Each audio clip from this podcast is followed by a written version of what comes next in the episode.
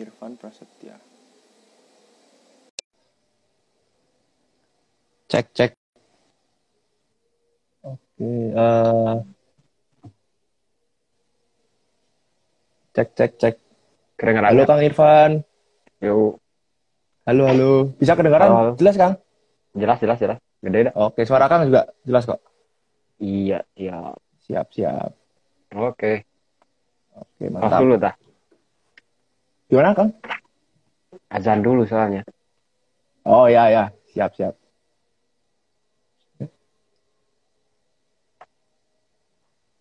Lagi di mana Kang sekarang Kang? Di WD. Oh Mm-mm. Di rumah. di rumah. Siap siap siap. Oke. Alfian, Alfian teh orang mana sih? Aku aslinya Malang, Jawa Timur, Kang. Tapi sekarang lagi di Oh. Semarang. Lagi kerja di Semarang. Hmm. Mm, mm. Ini paling eh buat eh, yang join. Kita tunggu sampai 5 menit mungkin ya, Kang ya. Biar Boleh. Bebas. Santai orang weh. ngumpul dulu.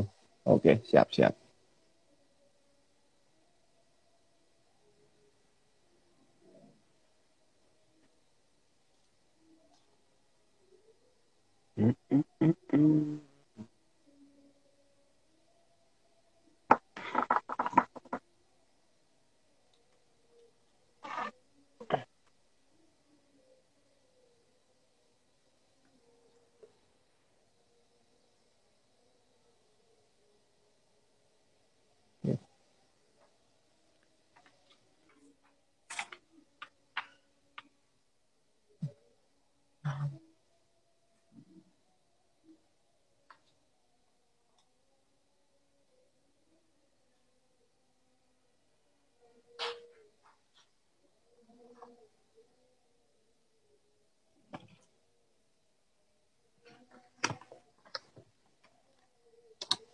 Hilang.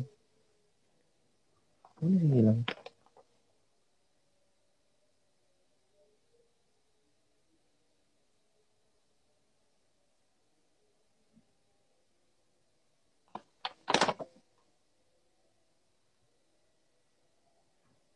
Oke, tes tes. Halo buat teman-teman yang udah gabung boleh coba cek soundnya untuk suara saya apakah udah bisa kedengaran jelas ya? Boleh bantu tolong di reply di komen. Untuk suara saya apakah udah bisa terdengar dengan jelas?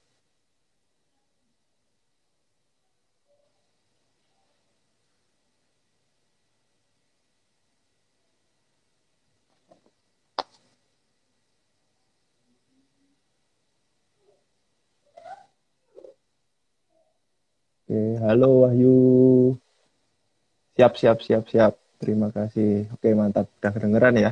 Oke, coba saya invite Kang Irfannya.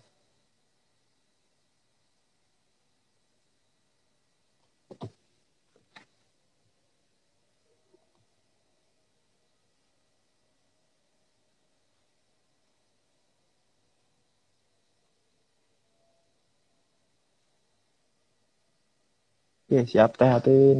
Terima kasih Teh. Udah jelas suaranya. Hmm. Oke. Jadi sembari kita nunggu untuk eh, narasumber kita malam hari ini, Kang Irfan, untuk bergabung. Eh, jadi untuk tema pembahasan pada Nayab Talks malam hari ini itu adalah Animal Welfare Practices on Smallholder Farmers in Indonesia. Jadi kita akan membicarakan tentang animal welfare, terutama eh, di peternak smallholder atau peternak rakyat di Indonesia. Nanti akan eh, kita diskusi bareng bareng sama Kang Irfan Prasetya. Oke, coba saya invite lagi yang belum bergabung. Oke, jadi nanti eh, diskusi ini akan kita laksanakan dari jam setengah delapan ini, teman-teman, sampai setengah sembilan. Eh, kemudian semisal nanti di tengah diskusi teman-teman ada pertanyaan atau komentar, bisa silahkan langsung di uh, dikirimkan lewat kolom komen maupun kolom pertanyaan ya teman-teman. Nanti uh, akan saya coba untuk sampaikan ke Kang Irfan supaya kita bisa diskusi bareng-bareng. Oke.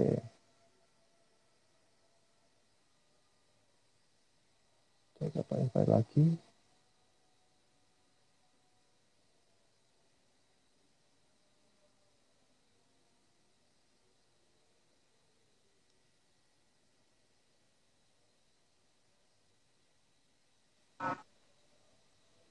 Halo, Assalamualaikum. Oke, halo. Waalaikumsalam Kang Irfan. Oke. Oke, teman-teman, ini karena narasumber kita pada malam hari ini, Kang Irfan Prasetya sudah hadir bersama kita. Uh, mungkin kita mulai bersama-sama untuk kegiatan diskusi pada malam hari ini. Uh, jadi saya buka terlebih dahulu. Selamat malam untuk teman-teman semua yang sudah bergabung di Nayab Talks pada malam hari ini. Hari ini kita bersama Kang Irfan Prasetya. Selamat malam Kang Irfan. Selamat malam. Terima kasih sudah bergabung. Uh, kita akan membahas tentang tema yaitu Animal Welfare Practices on Smallholder Farmers in Indonesia. Jadi uh, sebelum kita masuk ke tema yang lebih mendalam tentang animal welfare pada peternakan rakyat di Indonesia, uh, mungkin Kang Irfan boleh nih uh, memperkenalkan diri terlebih dahulu, mungkin kesibukannya sekarang apa, terus dulu uh, untuk pengalaman niatnya seperti apa. Monggo Kang, silakan Kang. Ya. Uh, Assalamualaikum warahmatullahi wabarakatuh. Pagi. Waalaikumsalam. Uh, salam kenal, nama saya Irfan Prasetya. Saya tinggalnya di Jawa Barat, Bandung Selatan, daerah pegunungan, Kang. Jadi uh, saya kenal sapi itu pas tahun 2013 itu eh sorry dari 2012 jadi lewat eh, lewat organisasi itu namanya Cattle and Buffalo Club di Fakultas Peternakan Universitas Pajajaran. Saya kenalnya dari situ awalnya. Eh, terus saya iseng-iseng berhadiah ikut program NIAP ini NIAP ini jadi apa tuh NTCI Indonesia Australia NTCA Indonesia ya. Australia Pastoral Bisa. Program betul kan ya? Betul betul kang. Uh, itu tuh program magang selama kurang lebih tiga bulan di peternakan uh, sapi potong di di Australia, di Australia Utara. Itu sih terus saya keluar kuliah ceritanya 2017. Jadi saya enam tahun. Uh, kemudian dua tahun setelah lulus sih saya kerja tuh di baru di bidang sapi itu pertamanya di Mitra Asia Astari kemudian baru ke sekarang di Austrek. Itu sih Kang. Okay. apalagi Kang ya mungkin ini Kang. Mungkin bisa dijelasin dulu ketika niat tuh kan uh, kita ditempatkan di stasiun-stasiun yang berbeda. Nah Kang Irfan dapat stasiun di mana? Terus kemudian mungkin karakteristik stasiunnya Kang Irfan kayak apa mungkin berapa hmm uh, ekor kemudian dan sebagainya gitu Kang. Ya. Uh, saya waktu saya kan angkatan kedua kan jadi 2013 itu angkatan kedua 16 orang. Saya sama partner saya kebagian stasiun paling banyak waktu itu tuh di awalnya di Cave Creek. Itu Cave Creek itu family station jadi cuma di sana kalau 4000 ekor cuma ya sebutannya. eh cuma 4000 ekor dan uh, kemudian saya dipindahkan. Itu pun di sana sedang sedikit pekerjaan jadi saya dipindahkan ke Sturdown waktu itu. Itu cum itu juga lebih sedikit malahan sekitar 2000 ekor gitu kalau nggak salah saya lupa. Uh, di sana lebih banyak kerjanya sama anjing saya kalau di sana hmm. daripada sama orang jadi yang yang kerja tuh cuma yang punyanya doang anjingnya aja yang banyak gitu delapan gitu tapi pintar-pintar pintar-pintar Terus dari situ pindah lagi ke Pigeon Hall. Nah di Pigeon Hall ini yang besar. Ini kan hmm. eh, milik stasiun milik Haysbury Cattle Company kan. Eh, salah satu yang terbesar di sana kan ada CPC, ada apa satu lagi tuh lupa PRD ya. Eh. Eko, bukan? Nah, Eko ya dan lain-lain. Ya, eh, ya, ya. Kemudian ada Haysbury juga. Nah, Haysbury ini salah satunya ada di Pigeon Hall. Di situ ada 20 ribu ekor uh, waktu itu saya kerja sama eh, kerjanya bareng delapan orang gitu sih ya overall sih pekerjaannya ya pekerjaan kata work aja kata work di sana gimana kan ngegiring lah uh, mastering kan terus processing kayak uh, anak sapi yang baru datang eh sorry yang sudah umur enam bulan misalkan di dikasih eartag lah dikasih uh, vaksin dan lain-lain gitu sih hmm. oke okay. berarti kalau pigeonhole kebetulan sama kayak saya kan saya juga kebetulan pigeonhole oh, iya. Iya. ya, mantap. Tapi jauh. Okay, jadi jauh, jauh. Dari mana-mana jauh ya, Kang ya? Mm -mm. Mau cari hiburan jauh. Betul. Betul, betul. Oke, jadi uh, Kang Irfan ini teman-teman, Kang Irfan dulu uh, untuk lihatnya uh, di beberapa station dan untuk yang dilakukan kebanyakan juga mengenai cattle work uh, yang seperti seperti sudah Kang Irfan sebutkan tadi. Nah, uh, kemudian Kang, ini mungkin kita akan uh, tanya pengalaman Akang setelah lulus kuliah nih. Nah, uh, tadi kan pertama menyebutkan sempat bekerja di PT Mitra Asia Lestari ya Kang ya? Iya, ya, betul. Ya itu mungkin boleh diceritakan Kang untuk ke teman-teman uh, uh, sebagai apa terus kemudian apa yang dilakukan dan mungkin kaitannya dengan uh, sapi secara umum ataupun pada spesifiknya yang pada tema hari ini animal welfare itu seperti apa boleh akan ceritakan mungkin? Iya siap siap. Bentar. Uh, kalau di Mitra Asia itu kita itu dapat proyek. Jadi PT Mitra Asia Lestari mendapatkan proyek dari pemerintah Australia dan Indonesia. Saya saya ceritanya saya ingat saya aja ya. Udah agak lama juga soalnya yeah, yeah. belakang.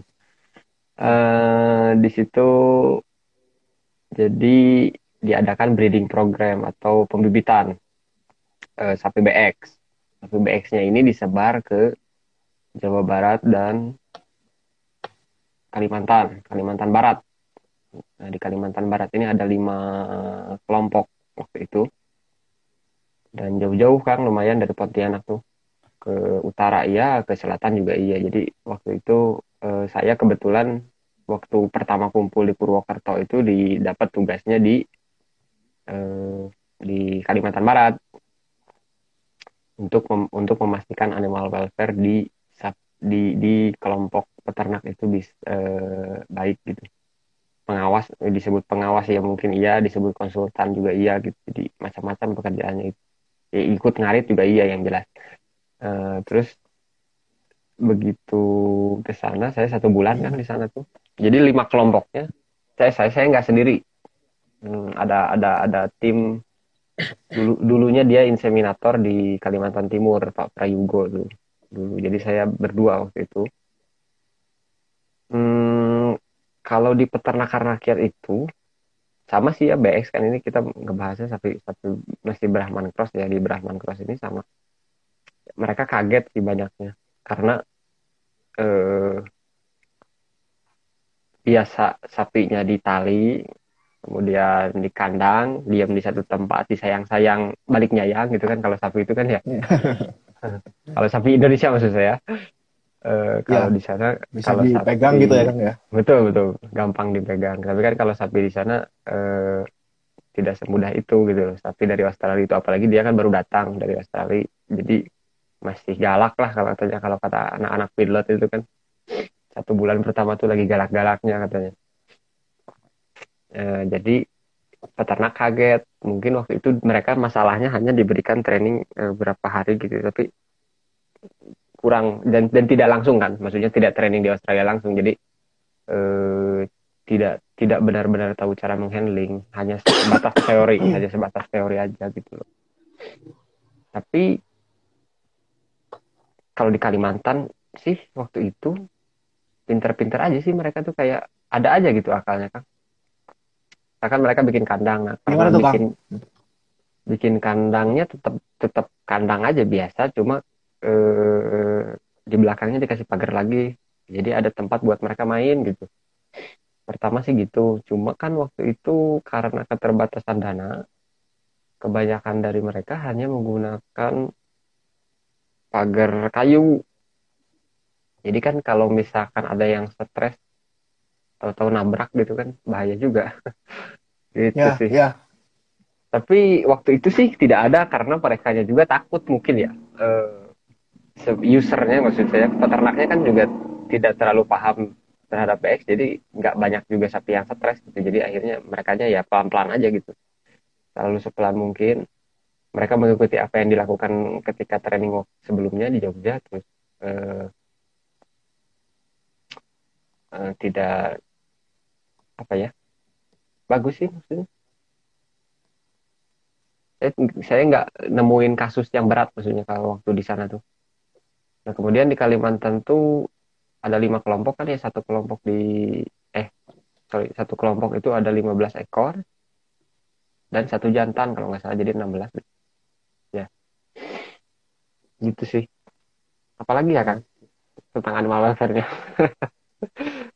Eh, mungkin ini Kang, kalau eh, boleh diceritain ke teman-teman yang Kakang tadi bilang eh, peternaknya dapat training nih untuk menghandle Hmm. sapi BX. Nah, trainingnya tuh kayak apa aja Kang? Isi isi materi trainingnya gitu. Apa belajar apa aja gitu mungkin?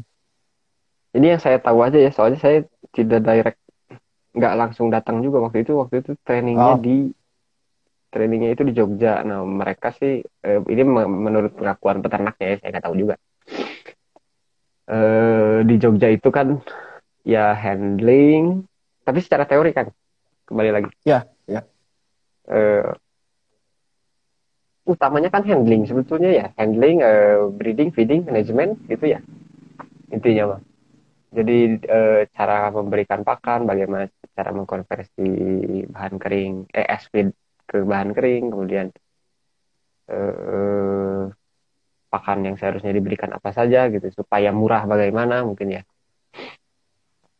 Terus eh, ada ada training yang menurut saya kurang nih mereka tuh eh, ini sih nggak diajarin studi kelayakan. Kalau di saya namanya studi kelayakan. Jadi eh, kayak input dan output produksi gitu loh. Maksud saya mereka kan menjalankan bisnis ya. Takutnya eh, jalanin jalanin aja itu rugi gitu. Loh nah itu nggak diajarkan. Ya, jadi kita ya. waktu ah kita waktu di Kalimantan malah fokus ke situ. Soalnya mereka nggak ngerti apa biaya investasi apa apa fixed cost Hmm, variable cost. Mereka kurang eh, kurang paham makanya kita tambahkan waktu itu selama satu bulan tuh. Gitu sih kan banyaknya malah ke situ. Tapi bagaimana caranya bisnis ini eh, memastikan animal welfare bisa dijalankan dengan baik kan ya? Eh, kenapa kemudian animal welfare penting? Takutnya ada yang belum tahu ya. Eh, kalau dulu itu kan ketika banyak hewan-hewan yang disiksa atau di mana pun sebetulnya ya, nggak usah bahas, bahas dulu lah. Eh, ketika hewan disiksa itu pasti identiknya kurus sakit eh, tidak mau beranak kemudian apalagi ya? Dan hal-hal buruk lainnya lah yang kalau misalkan di peternakan menjadi buruk juga terhadap bisnis gitu loh jadi rugi kan ya kalau misalkan kita punya Betul, sapi betul. betina berharapnya satu tahun sekali ber- melahirkan malah dua tahun sekali misalkan kan jadi rugi Eh, waktu terbuang gitu cuma gitu sih makanya animal welfare ada eh, bahasa gampangnya mungkin gitu ya animal Ya, welfare itu. ya. Hmm. makanya eh, Jadi itu sebetul- menjadi gimana Ah, gimana gimana? Boleh Kang, teruskan dulu Kang. makanya menjadi bagian dari eh, pentingnya eh, apa sih? Makanya animal welfare menjadi bagian penting dari bisnis sapi potong gitu. Itu tidak tidak tidak maksud saya tidak hanya skup Australia seharusnya seharusnya semua bisnis peternakan begitu gitu loh. Oke, berarti eh, kalau bisa kita tarik eh, simpelnya adalah kalau peternak tuh bisa menerapkan animal welfare dengan baik, kurang lebih usaha peternakannya juga bisa menghasilkan produktivitas yang baik juga gitu ya kan ya? Ya Kurang betul, ya. tapi cuma eh, sulitnya itu di peternak. Ini karena kita bahasnya sapi ya, dan sapi itu jarak dua tahun baru bisa dipotong itu kan menurut menurut kurban juga begitu kurban. Untuk untuk untuk kurban juga kan minimal dua tahun kan ya. Ya. Eh, itu kan waktunya panjang ya, sedangkan waktu itu saya hanya satu bulan. Jadi peternak itu kan, maksud saya gini, sekarang oke, okay, kemarin misalkan mereka biasa ngasih pakan 5 kilo misalkan ya, satu ekor. Begitu saya datang bisa bisa menjadi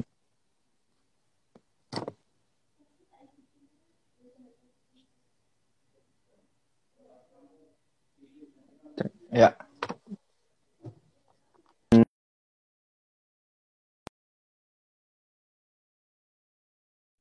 Gak bisa hari ini A langsung jadi A gitu si sapi langsung jadi gede gitu kan. Langsung BCS BCS 5 gitu kan. Susah juga kan. Ya ya ya. Gitu sih jadi meyakinkan peternaknya ini yang agak sulit gitu kan. Mereka biasa um, ya kalau yang saya temui ya mereka terbiasa dengan um, sesuatu yang instan gitu.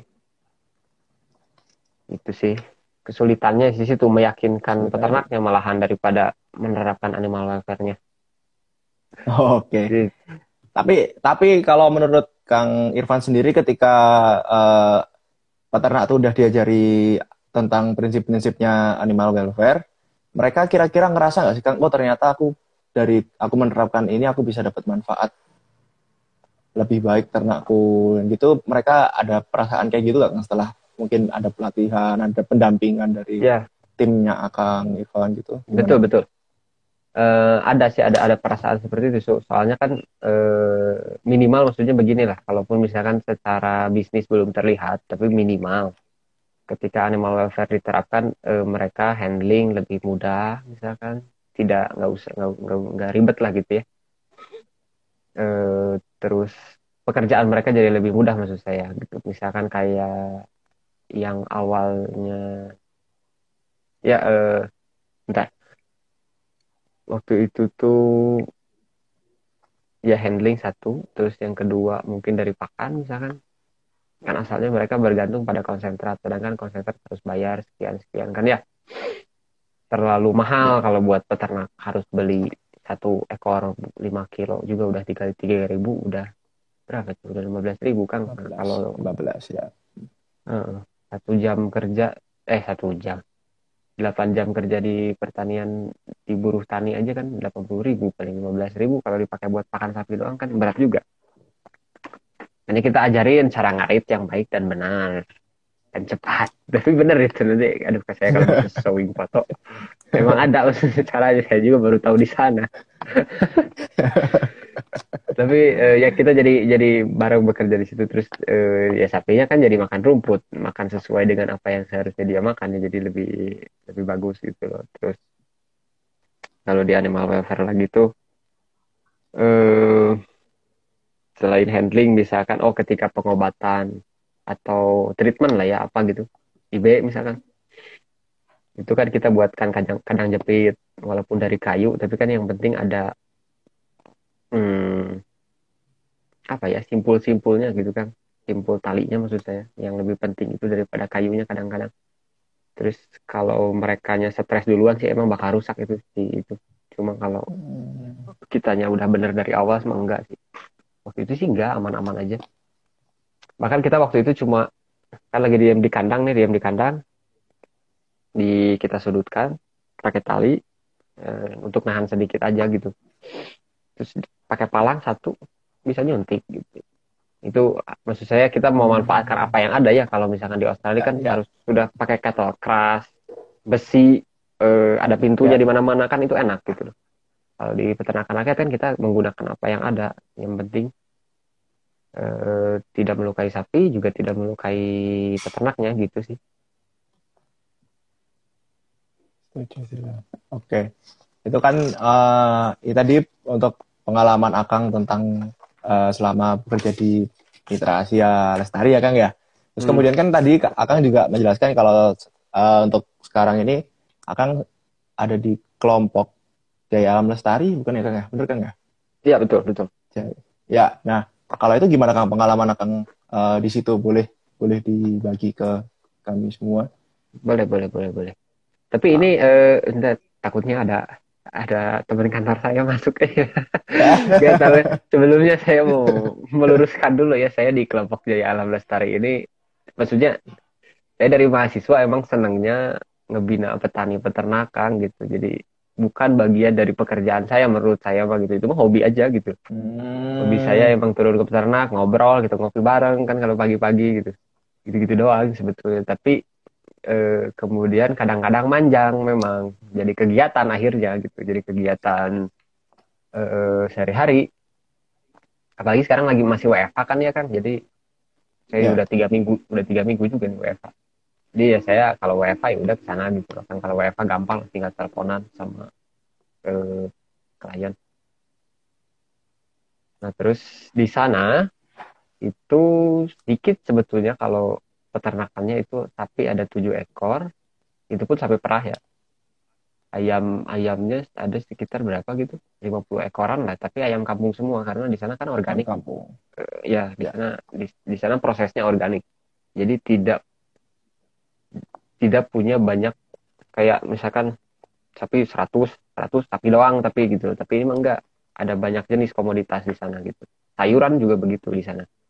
Eh, kalau nanam ini mah contoh aja ya. Kalau nanam bayam misalkan bayam tuh enggak satu hektar gitu. Paling paling berapa meter persegi gitu.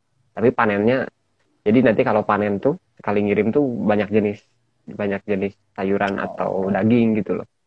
Ke satu penjual eh ke satu penjual satu pembeli. Nah kalau di peternak rakyat saya sih di sana kan karena sapi perah ini sapi lokal ya udah termasuk ya udah dianggap sapi lokal lah ya. Eh udah ditendok kan kalau di sana tuh udah ditali jadi lebih mudah dalam hal eh, handling karena ada talinya kan ya udah biasa gitu sih. Sapinya tinggal digiring-giring aja tinggal kita tarik talinya terus beres. Atau dorong dari belakang misalkan. Dan kalaupun Ya. tidak ada itu sebetulnya eh, dipegang juga udah bisa gitu. Nah oh iya. Eh, ini ada yang menarik nih. Di waktu itu si Jaya Alam Lestari ini juga dulu ini waktu program Mitra Asia ceritanya dap, ingin mendap eh, ditawari maksudnya oleh pemerintah. Kan ini program pemerintah ya kan yang breeding program ini Ya. ditawarkan oleh pemerintah daerah untuk mau nggak BX katanya 15 ekor. Terus saya kasih video BX-nya seperti apa terus mereka kaget. Dan kalimat yang keluar dari peternak tuh katanya gini aduh saya kalau misalkan sapi galak gitu saya kan biasanya nyayang-nyayang katanya ngemandiin saya pengennya begitu katanya. Jadi kalau galak gitu kan kagak bisa dimandiin kan katanya gitu itu padahal yang ngomong pakai tato pula maksud saya mereka takut Takut sama ternyata sapi. ya mereka takut eh. Ya, kata saya. tapi nggak apa-apa lah tapi maksud saya eh, kalimat menarik tersebut oh berarti peternak peternak di Indonesia sebetulnya malah jangan-jangan lebih sayang kepada sapinya daripada di Australia cuma dengan in, in a different way gitu maksudnya Eh, mereka pengennya Iya, iya. nggak mandiin kan ya sikat-sikat meras sendiri gitu kan. Kalau meras juga kan mana ada yang pakai mesin di rakyat jarang maksud saya. Kecuali kalau 100 ekor lebih itu mungkin. manual ya. banyaknya kan Ya. manual. Terus anaknya diajak main. Ya gitulah. Eh balik lagi kan Animal Welfare nah di sana kan asalnya tuh dikandangin doang. Eh asal dikandangin si sapi tujuh ekor tuh. Nah saya buat satu ini. Waktu itu buat satu padang pengembalaan gitu kecil sih. Buat main-main aja Kang. Jadi maksud saya eh saya bilangnya gini ke peternak. Kata saya masa masa sapi harus diam di kandang nggak dapat cahaya tiap hari gitu kan 24 jam? Kan kasihan udahlah dingin daerah Ciwidey kan dingin kan. Ya. dia minus eh bisa minus lagi. Bisa 15 derajat 13 derajat ya dingin lah menurut orang sini mah gitu lumayan.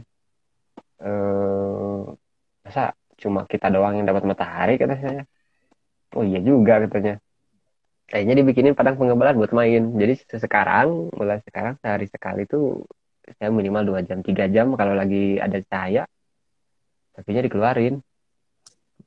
Buat diajak main aja gitu. Jadi eh, lebih asik lah maksud saya. Malah jadi sekarang jadi agrowisata malah jadi ah, yang datang juga ngelihat oh seneng gitu. Mana lagi banyak anak sapi kan kan? Lagi ada tiga sekarang gitu sih Iya, iya. kalau di Iya, Jaya. Alam Lestari begitu juga ayam ya ayam asalnya bikin kandang.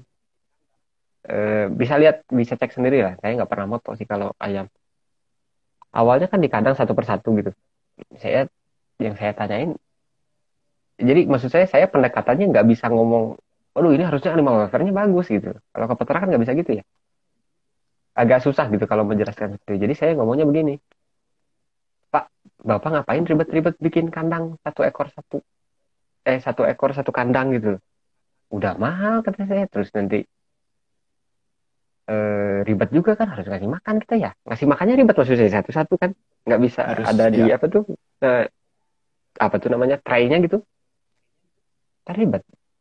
Oh iya katanya. Akhirnya sekarang kandangnya besar satu. Jadi kayak besar satu. Kemudian ada ada akses ke padang juga ke padang pengembalaan maksudnya ke padang pengembalaan ya pokoknya diumbar lah ya bisa bebas eh, jadi kayak kandang biasa gitu sekarang tuh jadi semuanya eh, sorry jadi si ayamnya tuh bebas bergerak maksud saya Bisa. Ya, ya. sekarang lebih baik dan dan secara ter- ter- ternyata secara organik lebih disukai itu gitu daripada yang di kandang satu persatu. Ya, Akhirnya kan kita juga bisa ngobrol ya ke konsumen. Kalau benar Kang, ini ada. Ini bisa ngobrol, kita bisa bercerita enak lah ke konsumen. Bu, kalau di kita tuh ayam kita nggak nggak apa sih, yang nggak dikandangin satu satu ekor satu ini gitu sih kita bebasin aja, terus seperti- pakannya juga kita atur gitu. Kalau mau lihat lihatlah gitu loh, dan bisa dilihat maksud saya sebagai objek Ya, ya, sebagai objek foto-foto kan minimal Instagramable gitu kalau kata orang ya. gitu Wah. sih. Di sana Kalau menurut gitu. saya tuh ada yang menarik sekali Kang untuk eh, kayak peternak di Ciwidey ya Kang ya daerah Kang ya Ciwidey Ya. eh, mengembangkan yang barusan Kang sebut eh, organik dan Hmm. bisa diterima oleh pasar organik di Indonesia sendiri kan kalau eh, kita tahu mungkin belum belum begitu masif ya Kang ya sangat Hmm. sangat spesifik konsumennya ya untuk pasar organik. Betul. Kalau boleh diceritain kan mungkin kan mungkin teman-teman juga ada yang tertarik tentang eh, organik eh, peternakan peternakan organik ini mungkin. Boleh, boleh, boleh, boleh. Eh, kalau yang ini ya, kalau ini yang saya tahu nih eh, sejarah pertanian organik di ini di Jawa Barat aja ya, di Jawa Barat itu kalau nggak salah sekitar tahun 2005 waktu itu. Jadi ceritanya ada dokter, ada dok almarhum tapi Pak ini tuh, aduh saya lupa namanya juga. Dia direktur rumah sakit Boromeus, ingat saya ya. Soalnya pernah ketemu waktu itu. Dia punya pasien, dia vonis, dia sendiri yang vonis kalau misalkan si pasien ini tidak boleh memakan makanan yang ada residunya. Eh, residu kimia maksudnya, residu kimia yang berlebihan. Akhirnya dia beli kebun di Ciwidey, di Gambung itu. Kemudian eh, berkebun sendiri si Pak Dokter ini untuk pasiennya gitu. Ternyata berhasil treatmentnya kemudian menyebar. Dan itu di di Jawa Barat tuh awalnya begitu. Tapi waktu itu pertanian organik masih lebih dikenal di luar negeri kan ya? Kayak di Eropa lebih banyak di Eropa lah. Eh dari situ akhirnya orang-orang di Gambung maksudnya di di di, des- di, di, di daerah kelompok saya lah ya di Gambung eh, di situ jadi mengikuti oh ternyata ada bagusnya gitu. Kemudian mereka cari market. Si orang-orang gambung ini cari market dan ternyata bisa menjual lebih lebih bagus harganya lebih baik daripada kita menjual ke pasar tradisional atau bandar. Eh si pertanian organik ini mah jadi memastikan bagaimana eh, produk yang yang dibuat oleh petani tidak memberikan residu buruk atau negatif jangka pan- jangka panjang kepada konsumennya gitu sih. Nah cuma kalau pertanian udah agak lama, tapi kalau peternakan yang setahu saya, setahu saya ini ya belum ada yang betul-betul organik atau mungkin ada tapi belum disertifikasi. Kayak misalkan ayam kampung misalkan, misalkan gini Kang, ayam kampung. Ayam kampung kan disebar-sebar aja tuh di di di kampung ya. Maksud saya di ya udah terserah lu lah mau ke mana gitu. Di Kalau mana-mana, dipotong aja kalau udah gede kan gitu kan. Kalau ayam kampung hidupnya. Eh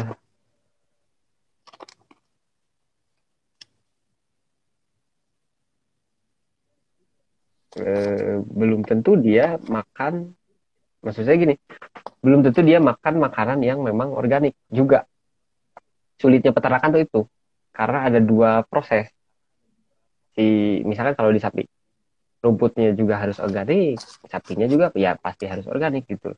Susahnya ini ada dua prosesnya itu. Kalau pertanian kan cuma tinggal memastikan tanahnya aja tanah dan tanamannya. Kalau ini tanah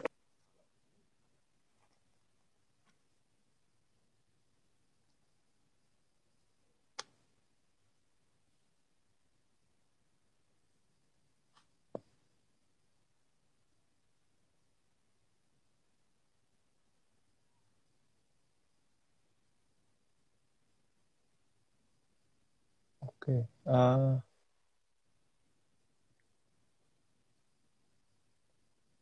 ini uh, untuk Kang Irfannya lagi. Oke. Uh, ya teman-teman, jadi uh, untuk Kang Irfannya masih terputus. Kita coba sambung lagi.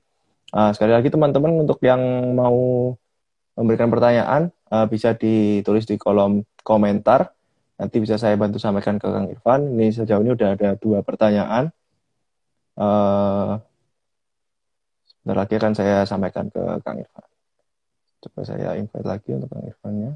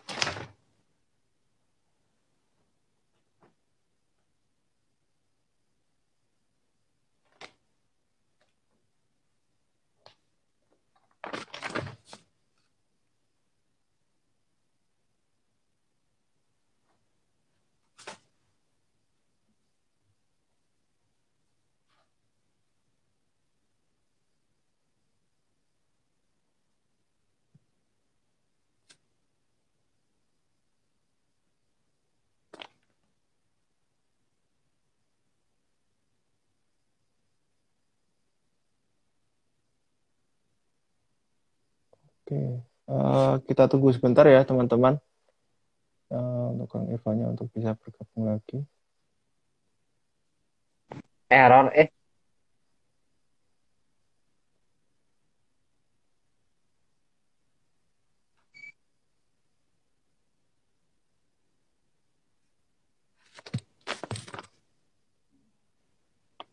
Halo. Oke. Halo Kang Irfan. Ada. Ya ada. Kedengeran, kedengeran. Oke, siap. Boleh. Tadi dilanjutin lagi Kang. Tadi sampai sampai tentang apa? E, mencari pasar yang organik tadi kan. Para peternak oh, iya. mencari pasar yang organik. Oh. Dari dari situ. saya baru sadar saya kira uh, niatnya yang ini yang apa? Yang kecabut tadi tuh yang koreksinya jelek. Jadi ya saya dong. uh, itu tuh jadi uh, mencari mencari pasar ke Gila itu jauh banget ya ceritanya. Dari mana coba? langsung mungkin langsung ini aja gak bakal langsung uh, ending poin poin akhirnya jadinya gimana setelah cari pasar tuh terus kemudian udah nemu kemudian ya bagus sih maksud saya uh, cuma cuma marketnya ini kan masih spesifik kadang-kadang berdasarkan ini juga apa menengah ke atas misalkan kan kebanyakannya kayak perumahan-perumahan besar. Atau kalau dulu sih sempat sampai ke rumah sakit eh, zamannya masih ramai hero tuh. Supermarket hero juga pernah masukin. Kalau dulu cuma memang kita eh, sempat terhenti sempat jatuh lah 2000 berapa tuh? 2016an jadi sekarang ceritanya sedang membangun lagi dan mulai dengan peternakan juga gitu. Mulai dengan peternakan juga. Eh, kita sih sekarang belum officially rilis produk peternakan organik ya karena kita karena ada undang-undangnya kan. Jadi kalau misalkan mau ngeklaim organik itu kita harus punya sertifikatnya dulu. Jadi sama lah kayak di kayak di abatoir gitu ya. Abatoir sorry. Buat kalau mau motong itu kan harus ada sertifikatnya dulu itu sih kalau di kita di Jaya Alam Lestari tapi bagus lah maksud saya eh, pada akhirnya maksud saya begini animal welfare ini menjadi bagian penting juga dari proses pertanian peternakan organik itu wajib malahan Ya. Seperti itu Kayak tadi kasih ruang untuk sapi perah maupun untuk ayam kampungnya untuk bisa bergerak bebas tuh juga eh, jadi prinsipnya di peternakan organik ya Kang ya. Iya betul betul teknisnya Oke. betul begitu Ini kebetulan ada pertanyaan Kang di kolom komentar Kang dari Ya. Obi Maxi. Eh, kualitas sapi bagusan mana Kang? Indonesia atau luar negeri? Nah, kalau bahas kualitas itu kita, kalau menurut saya ini ya, menurut saya aja ya, nggak apa-apa lah. Tergantung marketnya sih. Kalau kata marketnya bagus ya berarti bagus, kalau enggak ya enggak. Saya ini eh, ba- kualitasnya bagus itu dalam hal apa? Misalkan kalau misalkan animal welfare-nya bagusan mana gitu, atau misalkan harganya kah, atau ini kualitasnya maksudnya kualitas mana ya Kang? Saya bingung juga nih. Mungkin Banyak. eh iya Kang, kalau kalau untuk apa istilahnya?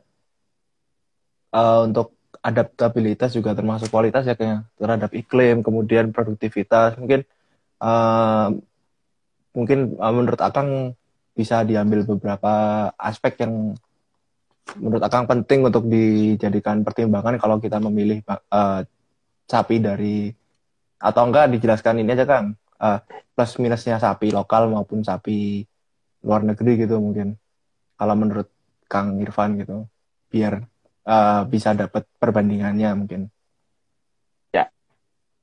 Eh, udah lancar lagi ya tadi. Eh, bisa misalkan dari aspek animal welfare-nya. Kalau animal welfare-nya sih menurut saya sama-sama bagus. Soalnya eh, kalau sekarang kan udah udah pada paham animal welfare seperti apa. Kemudian sudah banyak training dari MLA dari mana. Eh, kalau untuk sapi potong ya, sapi potong.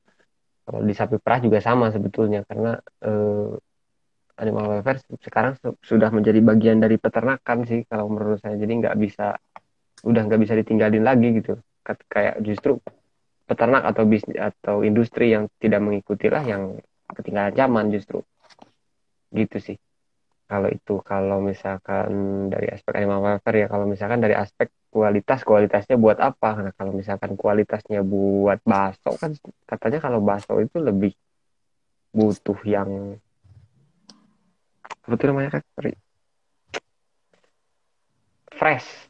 Baru dipotong kemudian eh, langsung diolah gitu kan. Tidak tidak lama maksud saya. Kan kalau misalkan di luar negeri banyak kebanyakan di Eropa di Australia itu kebanyakan hmm, frozen. Jadi kalau buat so ya jelek gitu jadi tergantung maksudnya tergantung marketnya sih kalau itu kalau masalah kualitas. Saya saya dan dan kita apa ya?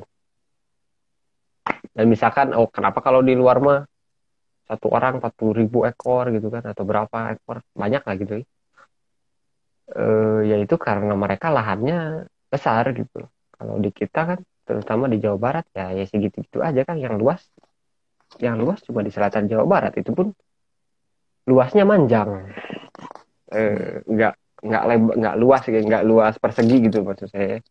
Manjang banget. Dan dan kita cenderung apa tuh terrainnya kan bergelombang gitu. Kalau kalau di luar kalau di Australia lurus-lurus aja ya banyaknya Datar, tuh. datar. Gitu sih. Eh, jadi menurut saya kalau misalkan harus dibandingkan antara kualitas Australia dan Indonesia itu tergantung dari objek eh tergantung dari lingkungannya juga. Jadi menurut saya sih kalau sapi potong udah bagus-bagus juga di Indonesia. Nggak nggak apa sih yang buruk maksud saya? Ya maksud eh, kalau ya, ya. sekarang kalau kurban juga udah bagus-bagus aja tuh sapi-sapinya. Ya. Hmm, jarang yang kurus sekarang. Gitu sih. Betul betul Kang, setuju Kang. Ya. Eh, kemudian ini ada pertanyaan kedua Kang. Eh, dari Ed Frizal Huluki. Eh, dia mungkin menanyakan, maksudnya mena- menanyakan, menanyakan tentang sapi grass fed Kang. sorry sorry Bentar. Bentar ya tentang sapi grass fed. Mungkin eh, bisa diceritakan pengalaman Akang apakah pernah menemui yang di Indonesia peternakan sapi yang grass fed aja tanpa dikasih eh, Oh, yang- green gitu kan? Maaf. Iya. saya pernah dapat telepon kang dari kalau nggak salah dia tuh anggota ID deh Indon apa ID itu dokter-dokter itu kan asosiasi ya? Ya. nah dia eh, dia tanya kang saya mau nyari grass feed. Saya banyaknya kan sekarang banyaknya grass feed itu impor ya? Impor, ya. impor dari luar udah udah dalam bentuk frozen maksudnya. Kalau di Indonesia ada nggak katanya? Grass feed grass feed itu kan istilah jadi katanya minimal harus 200 hari selama jadi 200 hari sebelum dipotong tuh hanya si si apa si sapi hanya boleh makan eh, hijauan. Nggak boleh konsentrat nggak boleh yang lain-lain. Hanya hijauan saja pokoknya boleh. Saya bilang ada tapi eh, masalahnya potongan hariannya potongan harian di Jawa Barat terutamanya eh, kebanyakan kan sapi beek jadi susah nyarinya kalau misalkan kita harus ke abattoir untuk nyari-nyari itu. Tapi kalau grass feednya kalau kita mau cari sih sebetulnya ada kalau di Jawa Barat ya kan nggak eh, saya, saya rasa di Jawa deh. Saya rasa di Pulau Jawa banyak. Di daerah selatan itu banyak. Sapi-sapi yang diumban Di- eh, jadi mereka hanya dikandangkan ketika musim hujan. Itu pun eh, cuma pas malam. Jadi dikeluarin lagi aja. Boleh-boleh aja cari-cari ke sana. Atau misalkan di NTT pasti masih diumbar juga Yang kayak gitu ya. ya grass yang penting grass kan ya. Terus di mana lagi ya? Masih banyak. Atau sekarang sapi sawit juga kayaknya integrasi sapi sawit juga udah grass itu itu cuma pa- paling nanti ujungnya eh, mana yang residunya lebih tinggi paling begitu. Makanya perlu sertifikasi itu di situ. Jadi eh, konsumen bisa membedakan mana yang mana yang organik mana yang semi organik gitu. banyak kan sertifikat tuh soalnya banyak banget beda-beda juga syaratnya gitu sih Oke. ada jadi jadi ada Indonesia pasti ada ya Kang ya untuk grass fed sapi grass fed di Indonesia. Hmm. Ah, kemudian ada pertanyaan lagi nih Kang. Eh, apakah semua kota di Indonesia siap untuk penerapan penerapan peternakan sapi organik, Eh, terutama mengenai sumber pangan dan airnya, Kang? Hmm. Nah, iya betul, menarik ini. Makasih pertanyaannya ya. Eh, kalau peternakan organik itu ada syaratnya. Jadi di SNI ada, kalau di kita ada SNI ya, ada SNI 016729 tahun 2016 kalau nggak salah, atau 19 harusnya 19 deh, udah udah revisi kayaknya. Di situ eh, jadi kayak avatar, tanah, air, udara. Eh, tanah, air, udaranya harus jelas dulu. Maksudnya gini, misalkan di yang disebut organik itu bukan natural ya, maksudnya kayak kalau natural itu misalkan kayak rusak di hutan dibiarkan saja, manusia tidak ikut campur, itu natural. Kalau organik itu tetap ada campur tangan manusia kan ya, tapi bagaimana caranya senatural mungkin. Nah, eh, satu kualitas air, airnya dari mana? Nanti dicek tuh kalau misalkan eh, audit sertifikasi ya, audit airnya dari mana, kemudian level kadar mikroorganismenya berapa, eh, apa tuh kandungan kandungan mineralnya bagaimana gitu, dicek. Nanti ada ambang batasnya tuh di di di SNI-nya ada ya, nanti bisa, di googling lah kalau SNI-nya itu, di SNI-nya ada. Dari air itu, dari tanah juga sama. Ini terakhir di pestisida kapan?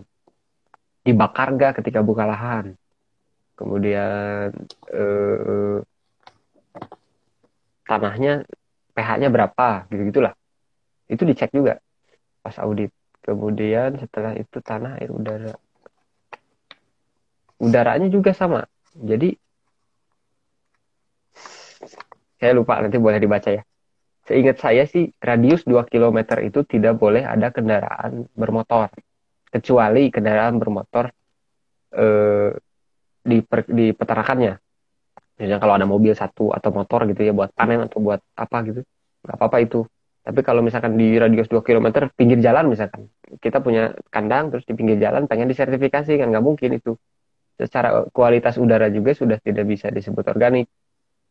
Gitu sih. Jadi ada ada itu itu aspek paling utama lah ya menurut saya. Jadi eh, ini nyambung kan saya jadi promosi gak apa-apa ya? Boleh Kang, silakan. Nggak maksud saya nyambungnya begini itu ada ada ada kualitas-kualitas yang tadi ad- dilakukan pengecekan di tanah air dan udara. Itu kan pentingnya bukan cuma buat peternak atau petaninya ya. Kan maksud saya begini itu air yang mengalir itu kan pasti ke kota juga nanti ujungnya. Kalau misalkan dari atas aja udah nggak dijaga nanti di bawah kebayang nggak eh, residunya kayak gimana gitu loh. Terus di filter di kan di filter juga menurut saya sih eh, satu mungkin biaya yang kedua ya kita nggak tahu juga seperti apa gitu. Eh di situlah kenapa kemudian organik harganya selalu dikata aduh mahal ting euy karena organik teh." ya karena anda membayar untuk karena konsumen membayar untuk menjaga lingkungan gitu.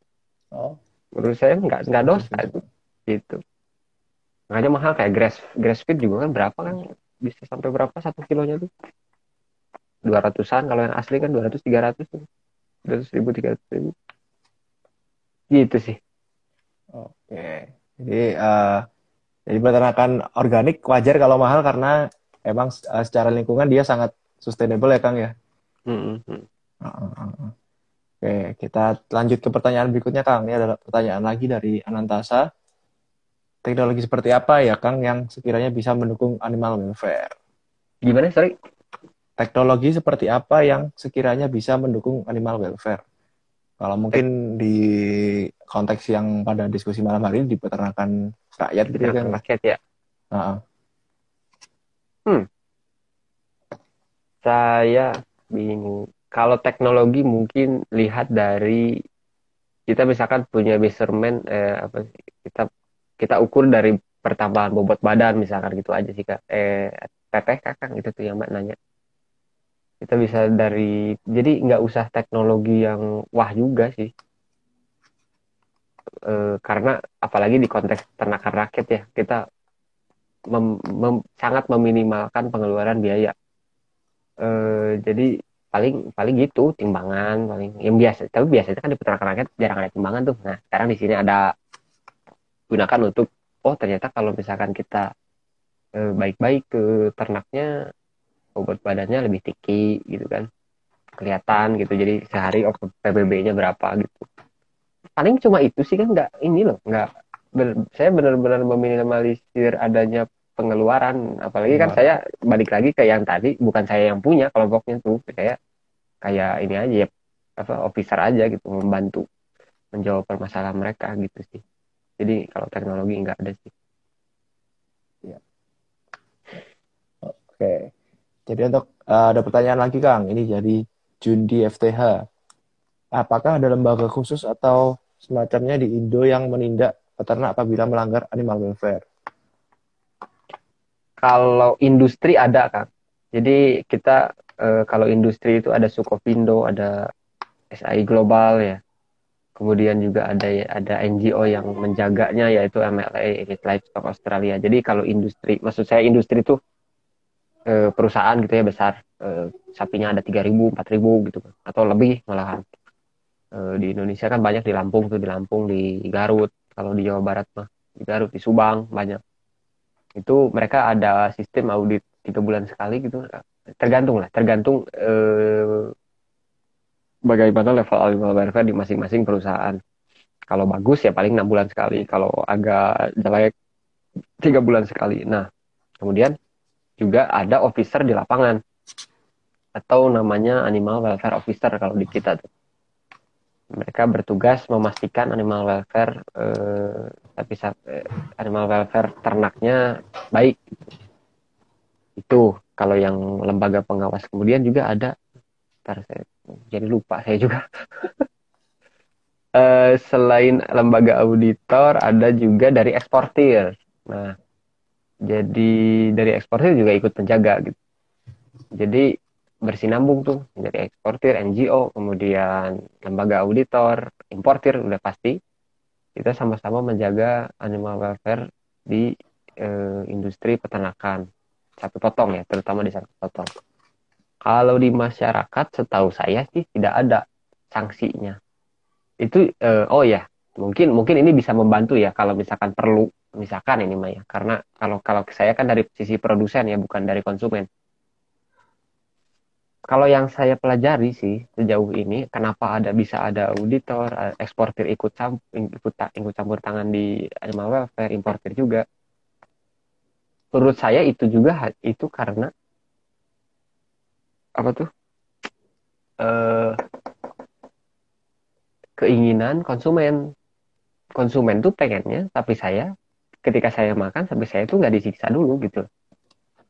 Tadi Indonesia saya rasa nggak saya sih belum mendengar ya, belum belum mendengar gitu, jarang, masih sangat jarang orang yang begitu. Kalaupun ada dia tidak dalam bentuk asosiasi, jadi akhirnya susah, ya susah bicara gitu loh.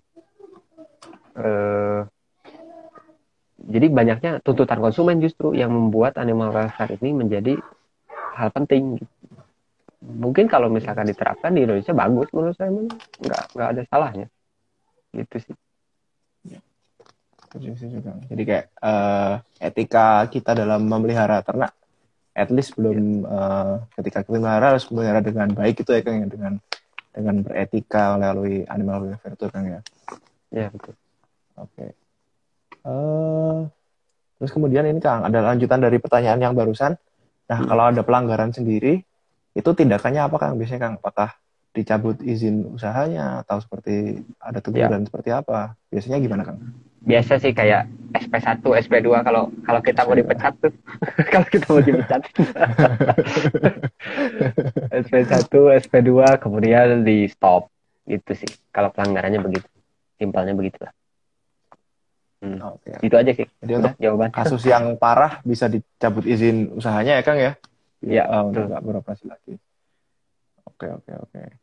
Uh, kemudian uh, ini Kang mungkin Kang Irfan boleh cerita dikit untuk kesibukannya yang sekarang Kang hmm. di di Austrek tadi uh, mungkin apa yang dikerjakan terus pekerjaan seperti apa mungkin teman-teman di sini yang uh, hadir pingin pingin tahu.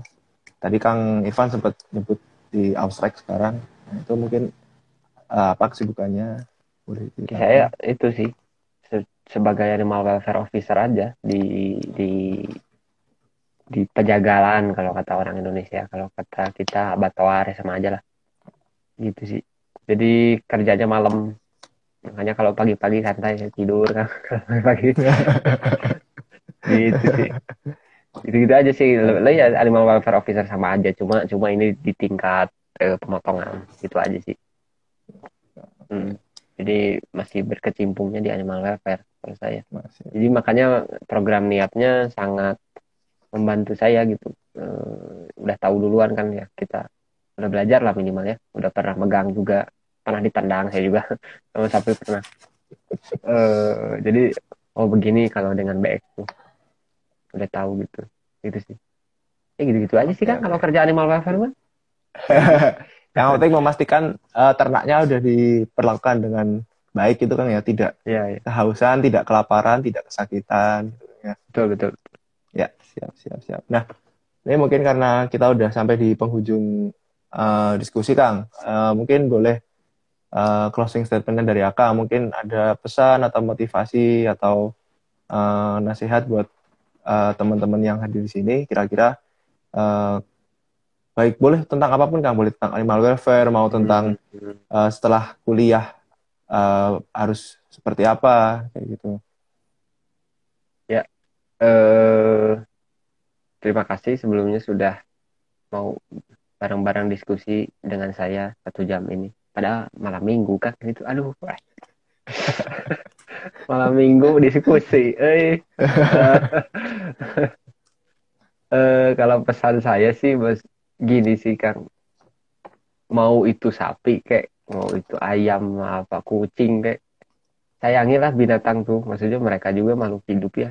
Bedanya kita punya yang punya otaknya nih yang punya apa ya kita punya pikiran. Kita bisa berpikir maksud saya. Kalau mereka kan mengandalkan insting kalau mereka melakukan kesalahan ya wajar. Nah itu instingnya gitu loh. Mungkin buat mereka nggak salah. Kayak bisa eh, contoh eh, jangan lah usah dicontohin. Jahat. Eh, jadi kita yang harus uh, paham gitu loh mereka mereka ini maunya apa. Tapi bagaimana kemudian supaya tidak mengganggu pekerjaan kita juga gitu. Saya juga kan kan di rumah penyayang kucing itu ada tujuh saya kucing nggak uh, nggak pernah saya banting saya tendang gitu kan. Kalau minta makan ya saya eh, oh gampangnya gini.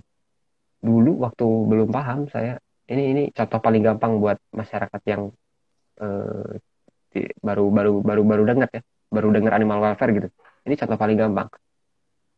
Dulu kucing saya tukang nyuri makan di meja makan. Saya bingung kenapa ini kucingnya yang nakal atau sayanya yang bodoh? gitu. Kemudian saya kasih makan terus sampai dia kenyang banget sampai hari ini nggak pernah nyuri lagi Oh, oke. Okay. Uh, jadi as simple as that gitu loh. Ya, berarti lu kurang ngasih makan, tapi dikurung nah. iya gitu loh. Maksudnya ya kan kalau orang itu kan cenderung pengen nyayang-nyayangnya aja gitu ngasih makannya yeah. mana iya. itu jadi sayangi gitu nah itu ya kasihan nggak nggak siapa sih yang perhatian gitu nggak ada. Kalau kita aja tidak memulai ya nggak ada gitu. Itu sih kalau misalkan eh, jadi animal welfare itu intinya itu. Kan si tem apa ibu ibu tempel itu juga kan dulu juga begitu kan. Dia mengikuti apa yang dilakukan sapi makanya animal welfare terbentuk sekarang. Bagus ya? Oke. itu aja sih kan, kan. Kalau dari saya. Hmm? ya ya siap siap siap oke kang Irfan uh, dan teman-teman sekalian yang hadir karena uh, kita udah sampai di penghujung acara jadi mungkin kita harus akhiri uh, diskusi kita pada malam hari ini uh, saya sebagai host mau mengucapkan terima kasih banyak buat Kang Irfan sudah mau berbagi pengalaman dan uh, diskusi pada malam hari ini. Ya tadi meskipun katanya malam minggu ya Kang ya, malah diskusi. Tapi gak apa-apa. Uh, semoga diskusi malam hari ini bermanfaat, banyak ilmu baru yang bisa kita pelajari, bisa saling berbagi dengan teman-teman uh, yang lain nanti. Oke, jadi uh, saya Alfian mengucapkan terima kasih banyak buat teman-teman semua yang hadir juga uh, sudah bergabung di sini dan meramaikan diskusi pada malam hari ini. Dan mohon maaf uh, apabila ada salah kata maupun uh, uh, perkataan yang tidak sesuai dengan teman-teman semua. Oke, saya ya. tutup diskusi kali ini. Terima kasih banyak Kang Irfan. Ya, banyak. Oke, selamat malam teman-teman semua. Sampai berjumpa di Night Talk selanjutnya. Oke, makasih Kang Irfan ya.